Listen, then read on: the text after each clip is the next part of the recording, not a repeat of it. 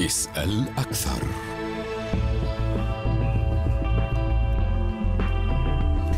مشاهدينا الكرام طابت أوقاتكم.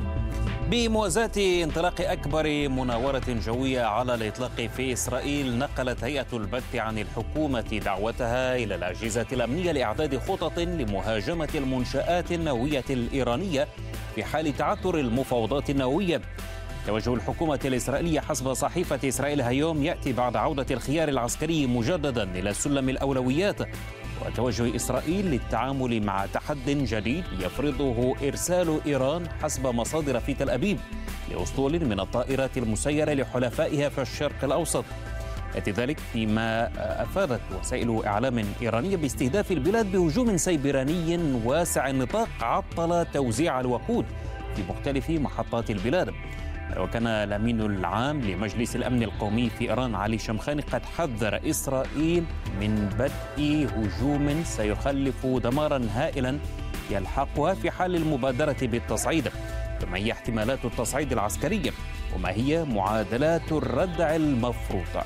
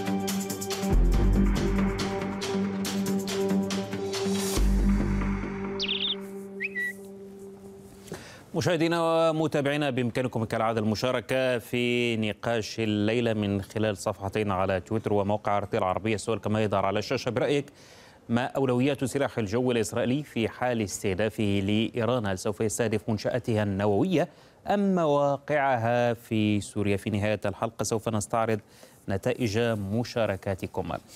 إذا لحوار اليوم رحب بضيفي الكريمين من تل أبيب أستاذ العلوم السياسية في جامعة بار إيلان الدكتور مردخاي كدار ومن لندن الخبير في الشأن الإيراني نجاح محمد علي. ورحب بكم ضيفي. وأبدأ معك سيد مردخاي بالسؤال عن الموقف الإسرائيلي يعني هذه التوجيهات التي صدرت عن الحكومة حسب هيئة البث الإسرائيلية الرسمية توجيهات للأجهزة الأمنية لإعداد خطط للتعامل مع البرنامج النووي الإيراني. هل يعني أن إسرائيل حسمت موقفها فيما يتعلق بالخيار العسكري.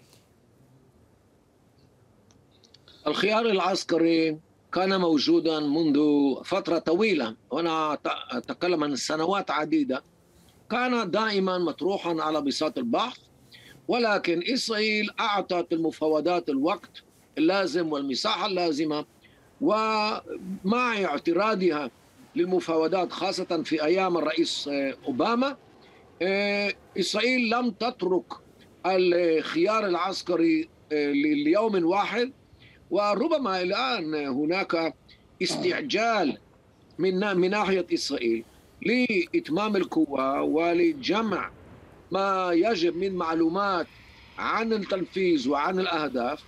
كي تتمكن من تنفيذ هذه العملية إذا فشلت المفاوضات وربما تسريب هذا الخبر لصحيفة إسرائيل اليوم كما حدث اليوم ونشرها على العناوين ربما المراد منه تحفيز إيران بالمثول للشروط التي تملي عليها أمريكا. نعم. طب ما يتعلق بمناورات العالم الأزرق؟ يعني نتحدث عن مناورات كبرى غير مسبوقة سبعون طائرة يعني طرازات مختلفة. ومن العديد من الدول ونحو 1500 عسكري. يعني هل نتحدث عن محطة حاسمة فيما يتعلق بدراسة الخيار العسكري بالنسبة لإسرائيل؟ شوف الخطر الإيراني لا يحدك بإسرائيل فحسب بل هو محدك بالكثير من الدول القريبة والبعيدة. آه، السعودية تشعر بعدم الراحة مما يدور في إيران.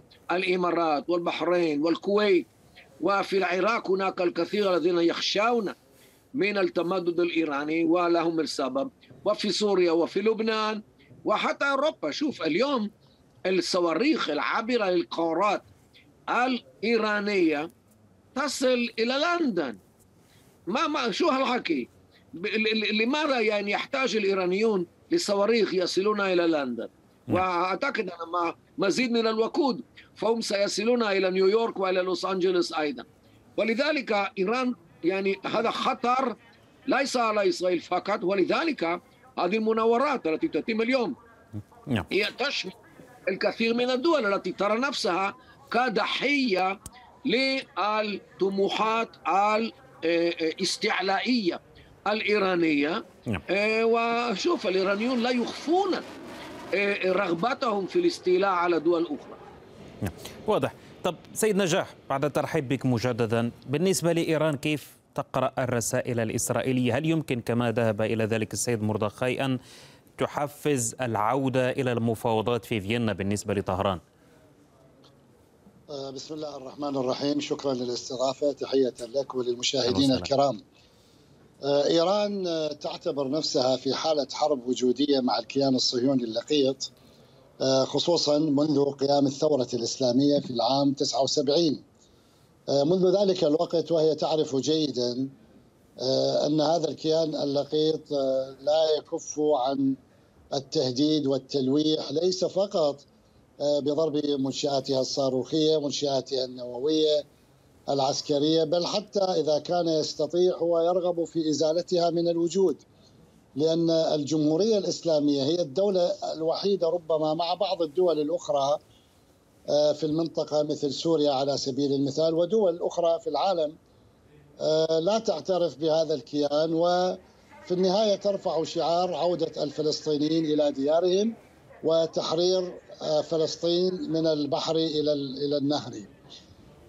هذه التهديدات ليست جديدة وهذه التهديدات بدأت منذ كما قلت لك منذ قيام الثورة الإسلامية ونجاحها. نعم. لكنها تتصاعد دائما في كل مرحلة آه، يمكن أن تفضي إلى تقارب أو تفاهم إيراني أمريكي أوروبي حول البرنامج النووي، لاحظتم في العام 2015 وكذلك في بداية انطلاق المفاوضات في 2013 آه، في عهد الرئيس الإيراني السابق نعم. أيضا يعني رفعت مثل هذه الشعارات والخيار على الخيار العسكري على الطاولة لكن إذا نريد أن نفسر بلغة الأرقام أعتقد أن يعني هذه مزحة أن تهدد يهدد الكيان اللقيط ب شن حرب على نعم. الجمهورية لكن لكن سيد نجاح يعني يعني ربما المرة هذه نتحدث عن استثناءات كثيرة، نتحدث عن مشاركة أوروبية كبيرة، مشاركة يعني أو تمثيل ولو رمزي لدولة عربية، نتحدث عن الإمارات، الجوار المباشر لإيران، يعني هل الأمر معتاد فعلا؟ يعني هل الأمر كذلك كما أشرت؟ يعني مجرد رسائل معتاد عليها؟ هي طبعا واحدة من الرسائل قرب قرب آه، العودة إلى المفاوضات، إيران على وشك أن تعود إلى المفاوضات وكذلك الولايات المتحدة هنالك اجتماع من المقرر أن يعقد في بروكسل يمهد لعودة المفاوضات في فيينا بس فيما يتعلق بالمجال الجوي ال الذي تحتاجه هذا هذه الدولة أو هذا الكيان نعم. لشن مثل هذه العمليات على إيران ولا واحدة من الدول في المنطقة لا الإمارات لا المملكة العربية السعودية تستطيع أن تغامر وتمنح مجالا جوي أو قاعدة أرضية إلى الكيان الصهيوني لكي يستفيد آه، منها قطر على سبيل المثال بالرغم من العلاقات الوثيقة سواء مع الكيان أو مع الولايات المتحدة الأمريكية لأن الرسالة الإيرانية أيضا واضحة علي وعلى اعدائي المكان الذي تستهدف منه إيران. إذا كان في المنطقة أو من داخل الكيان الصهيوني سيكون آه، هدفا للصواريخ الإيرانية. أربعة آلاف صاروخ ستشن في اليوم الواحد نعم. على الكيان الصهيوني فقط صواريخ دقيقة فقط من إيران، زين أنت لاحظت خلال 11 يوم نعم. لم تصمد هذه الدولة اللقيطة صحيح. مع غزة صحيح هنا هناك معادلات معادلات ردع حاضره في المنطقة، طب طب اسمح لي أسأل السيد مردخاي في ظل هذه المعادلات الردع يعني التي نتحدث عنها يعني ما مدى واقعية الحديث عن الخيار العسكري تقارير أمنية إسرائيلية الجانب الإسرائيلي يتحدث عن هذا الأمر انتشار صواريخ أرجو إيرانية في العديد من البلدان العربية طيران مسير يعني أسطول كما جاء في هذه التقارير الإسرائيلية منتشر في العديد من الدول والمناطق المحيطة بإسرائيل فما مدى واقعية الحديث عن الخيار العسكري؟ شوف نحن نعلم جيدا لم نحتاج إلى السيد فاشل الذي يتكلم من لندن لنعلم ما هو الخطر الإيراني. الأخطبوط الإيراني له أذرع كثيرة في اليمن وفي العراق وفي سوريا وفي لبنان.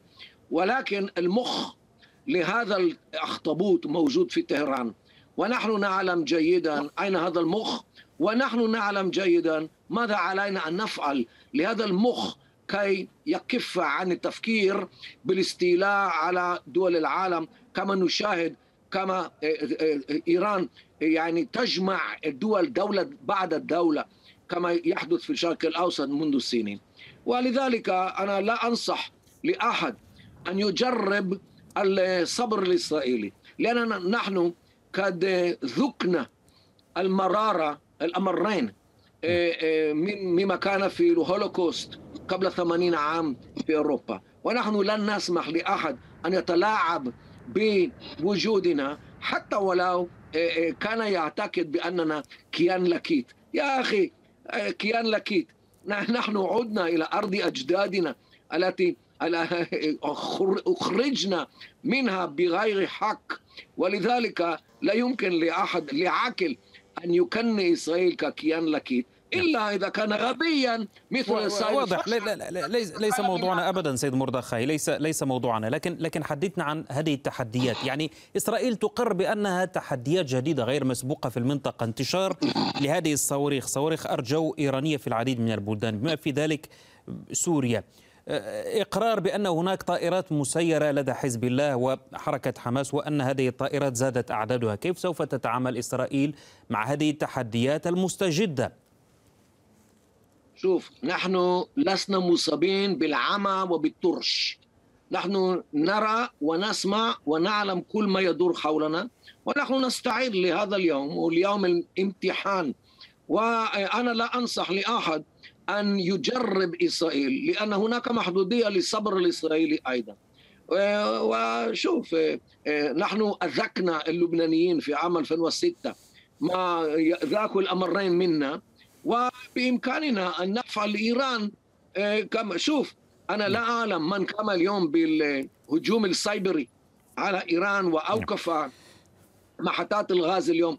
ولكن إذا كانت إيران بهذه المدة بهذه الهشاشه نعم. كما شاهدنا اليوم ربما هناك أيضا طريقة لإصابة إيران صحيح. أيضا في الصيف سنتحدث عن عن هذا الخيار ما يتعلق بالحروب السيبرانية كملجأ ربما. لكن قبل ذلك سيد نجاح بالنسبة لإيران خيارات التعامل مع هذا التوجه الإسرائيلي لترجيح خيار التصعيد العسكري، هل يكون ربما رد الفعل من الجانب الإيراني؟ هو الإسراع بالعودة إلى طاولة المفاوضات لسحب البساط من تحت أقدام الجانب الإسرائيلي الذي يسعى لإقناع الغرب بالنظر إلى عدد الدول الغربية المشاركة في المناورات العسكرية.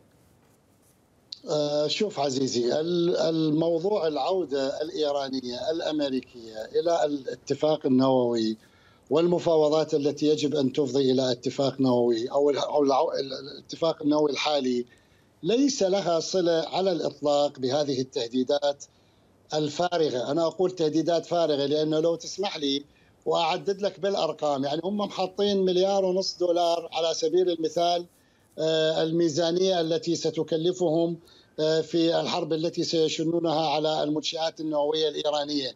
مليار ونص ايران من الدولار فقط تكلفة عسكرية كانت للصواريخ التي أطلقت من غزة خلال 11 يوم 600 ألف 600 مليون دولار فقط كانت تكلفة ما يسمى بالقبة الحديدية. مليارين ونصف دولار فقط تكلفة اقتصادية خلال 11 يوم. وهذا مو كلامي هذا كلام نفس صحيفة إسرائيل اليوم التي قالت بالحرف الواحد عندما كان بنيت موجودا في واشنطن وأجل الرئيس الأمريكي لقاءه المعتاد.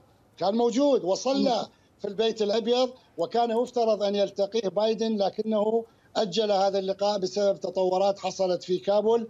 كتبت الصحيفة تقول ما عادت بين قوسين إسرائيل أهمية أو أولوية لدى الرئيس الأمريكي، الآن الدول الأوروبية والولايات المتحدة تتحدث عن تفاهم مع إيران، هنالك لقاءات تجري خلف الكواليس ولقاءات فوق الكواليس تجري بين الإيرانيين والأمريكان. تستضيفهم عمان، قطر آه، للعودة إلى الاتفاق النووي، لكن إيران لا تريد أن تجري مفاوضات عبثية مع الدول الغربية مع والولايات المتحدة، إذا كانت هذه المفاوضات ستفضي إلى نتائج فاهلا وسهلا، وأنا لا تذكر قلت هنا من محطتكم الكريمة قبل قبل أن يتسلم الرئيس رئيسي مهام منصبه قلت إذا تعرقلت العودة الأمريكية إلى الاتفاق النووي فسيصعب كثيرا على إيران أن تعود كما كانت سلسة في عهد الرئيس روحاني لأسباب داخلية تعرفها جيدا. وإيران مستعدة وهذا أنا من قراءتي للرأي العام الإيراني مستعدة تقول نحن لماذا ندفع تكاليف قنبلة نووية لم نصنعها؟ ونتحمل عقوبات وضغوط وتهديد يومي. لا لا لماذا لا نصنعها؟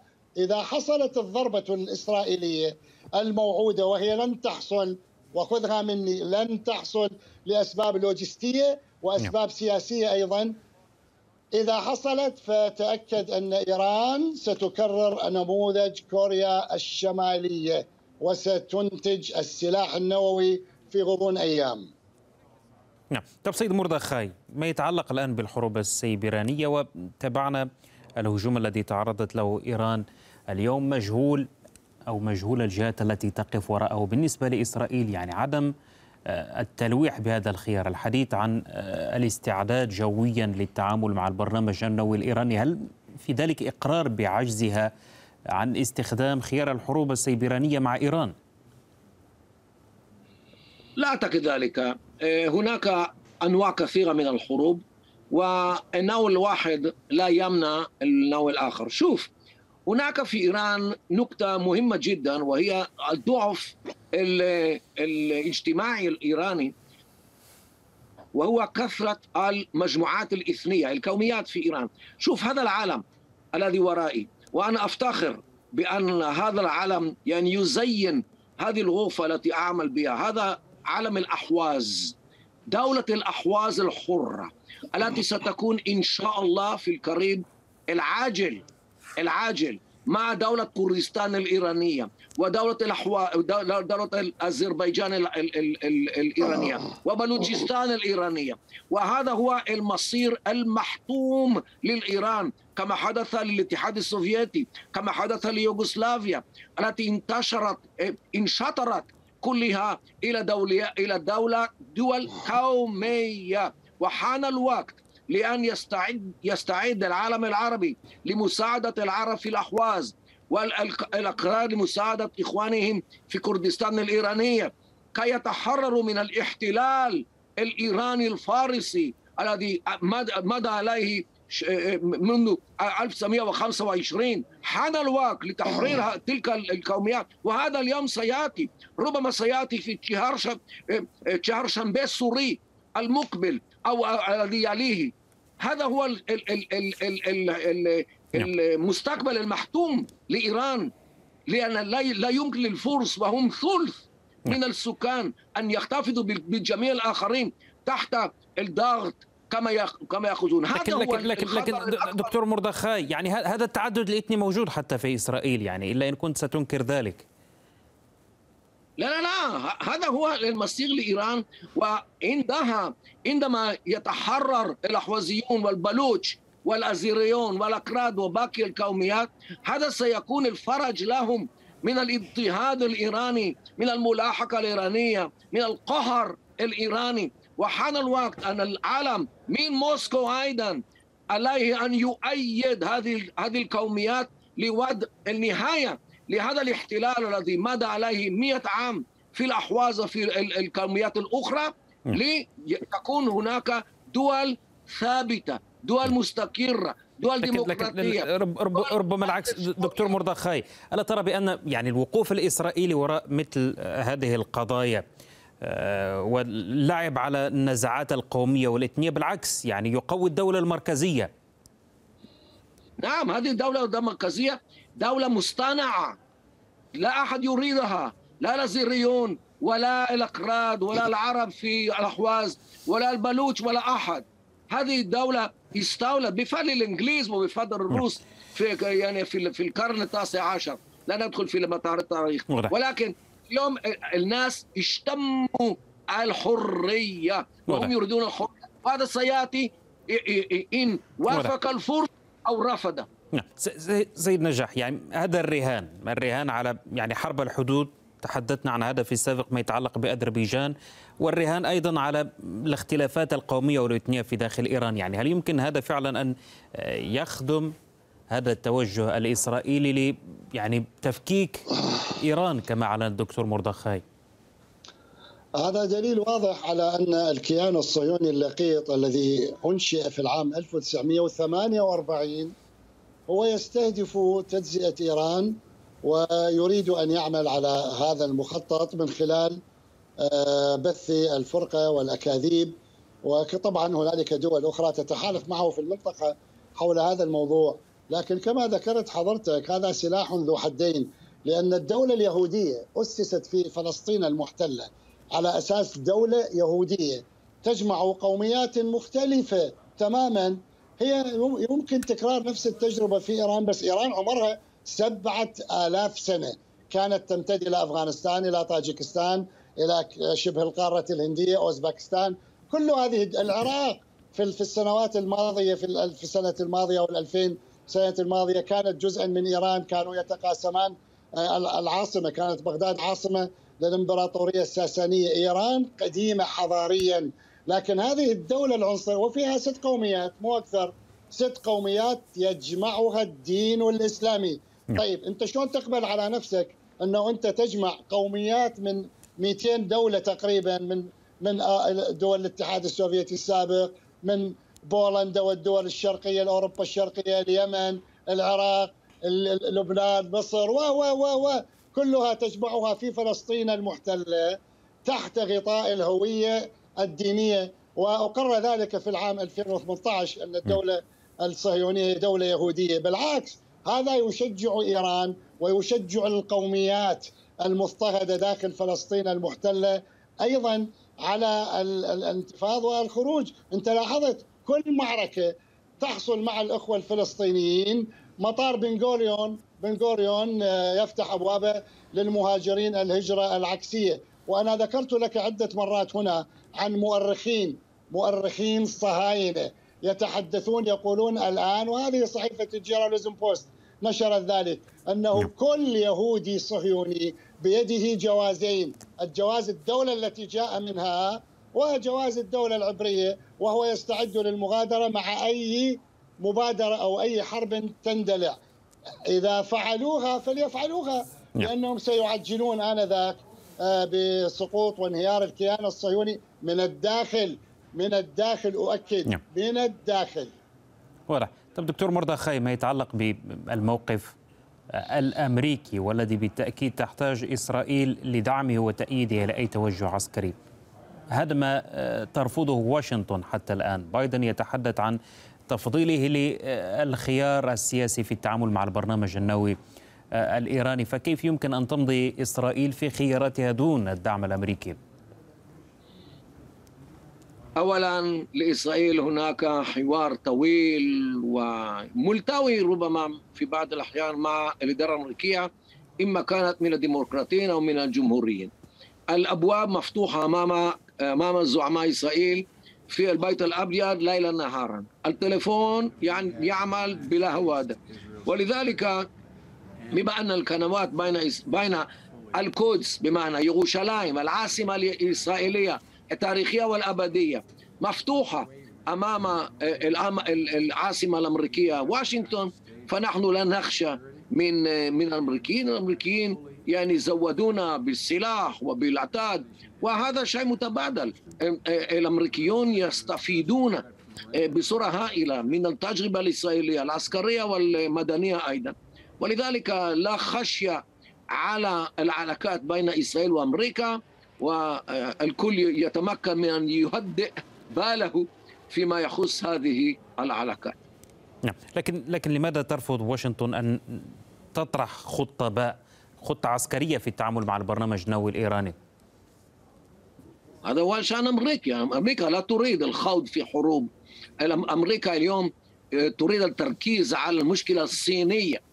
ومشكلة الفارسيه والمشكلة الإيرانية هي مشكلات جانبية بالنسبة للأمريكيين وهم يريدون طي هذا الملف في أسرع وقت ممكن ليتفرغوا لمعالجة مشكلة أكبر بكثير وألا وهي المشكلة الصينية نعم. آه، وهذا سلم الأولويات الأمريكي وأنا لا دخل لي ولا دخل لإسرائيل في سلم الأولويات الأمريكية طب يبدو ان الاتصال انقطع مع سيد نجاح. نحاول الاتصال به مجددا وأسأل أيضا سيد مردخي عما يتعلق بالاهداف التي يمكن أن تضربها إسرائيل فيما يتعلق بإيران، هل يمكن أن تسعى لاستهداف ادرعها في المنطقة، مثلا استهداف أو ضرب أهداف في سوريا؟ لا لا إسرائيل آه، تعمل حسب المصادر الخارجية عامة. آه، تعمل في الأجواء السورية وعلى الأرض السورية آه، بصورة شبه يومية. نعم. أهداف إيرانية أو أهداف للميليشيات الموالية لإيران مثل حزب الشيطان اللبناني الذي تمدد على الاراضي اللبنان السورية أيضا. ولذلك إسرائيل لا تسمح وهي قالت ذلك بصورة علنية مرارا وتكرارا بانها سوف لا تسمح بإيران بالاستيطان في سوريا. نعم، طب اسمح لي أعود لسيد نجاح الاتصال عاد مجددا ما يتعلق بالاستهداف الإسرائيلي المستمر لاذرع إيران في المنطقة خاصة في سوريا يعني. كيف يمكن أن تتعامل معه طهران؟ يعني إن تحول إلى أولوية في ظل هذه المناورات العسكرية الجوية في إسرائيل؟ اولا اصحح لا يوجد لإيران أذرع لا في سوريا لا في العراق لا في اليمن. إيران لديها حلفاء. والتواجد الإيراني في سوريا هو وفق اتفاق آه، عسكري إيراني للتعاون بين إيران والجمهورية العربية السورية. وبالمناسبة 99% من العمليات العسكرية التي يرتكبها هذا الكيان اللقيط في سوريا هي كلها يعني لأهداف إعلامية دعائية ليس إلا لأنه لا الإيرانيين ولا حلفائهم وحزب الله لبنان الذي أذاق هذه الدولة العبرية آه، اللقيطة ما لم تذقه في منذ تأسيسها عام 1948 عمرها من 1948 وأنشئت بدفع من الدول الكبرى. والان يحدثني عن إيران ذات الحضارة اللي عمرها 7000 سنة. حزب الله وهذه الصحف أنا أنا دائما أرجعك إلى الصحف الصهيونية عندما تتحدث عن عن عن حرب 2006 تحديدا ما يسمى بحرب تموز. وكيف أذاق اللبنانيون هذا الكيان الصهيوني المر والويل والثبور وعظائم الأمور؟ ومرة أخرى نعود إلى عمليات سيف القدس. خلي يجربون مع الفلسطينيين أنفسهم داخل الأراضي المحتلة في العام 1948 إيران لديها نفوذ وحلفائها لديهم نفوذ والحرب سجال حتى فيما يتعلق بالحرب السايبرية على سبيل المثال أنت روح اقرأ معهد أبحاث الأمن القومي في تل أبيب في جامعة نعم. تل أبيب وشوف شنو الإحصاءات اليومية نعم. التي تريد يريدها هذا المعهد عن الحرب السايبرية الإيرانية التي تضر بالمنشآت الأمنية والمنشآت نعم النووية والكهرباء ومياه الصرف الصحي ونظام المياه والشرب شكرا أيضا. شكرا سيد نجاح أشكركما. ضيفي لم يتبقى إلا أن أذكر بنتائج التصويت ومشاركة متابعينا عبر صفحتين تويتر والموقع. السؤال كما يظهر على الشاشة برأيك ما أولويات السلاح الجوي الإسرائيلي في حال استهدافه لإيران نحو 57% منكم قالوا بأنه سوف يستهدف منشآتها النووية.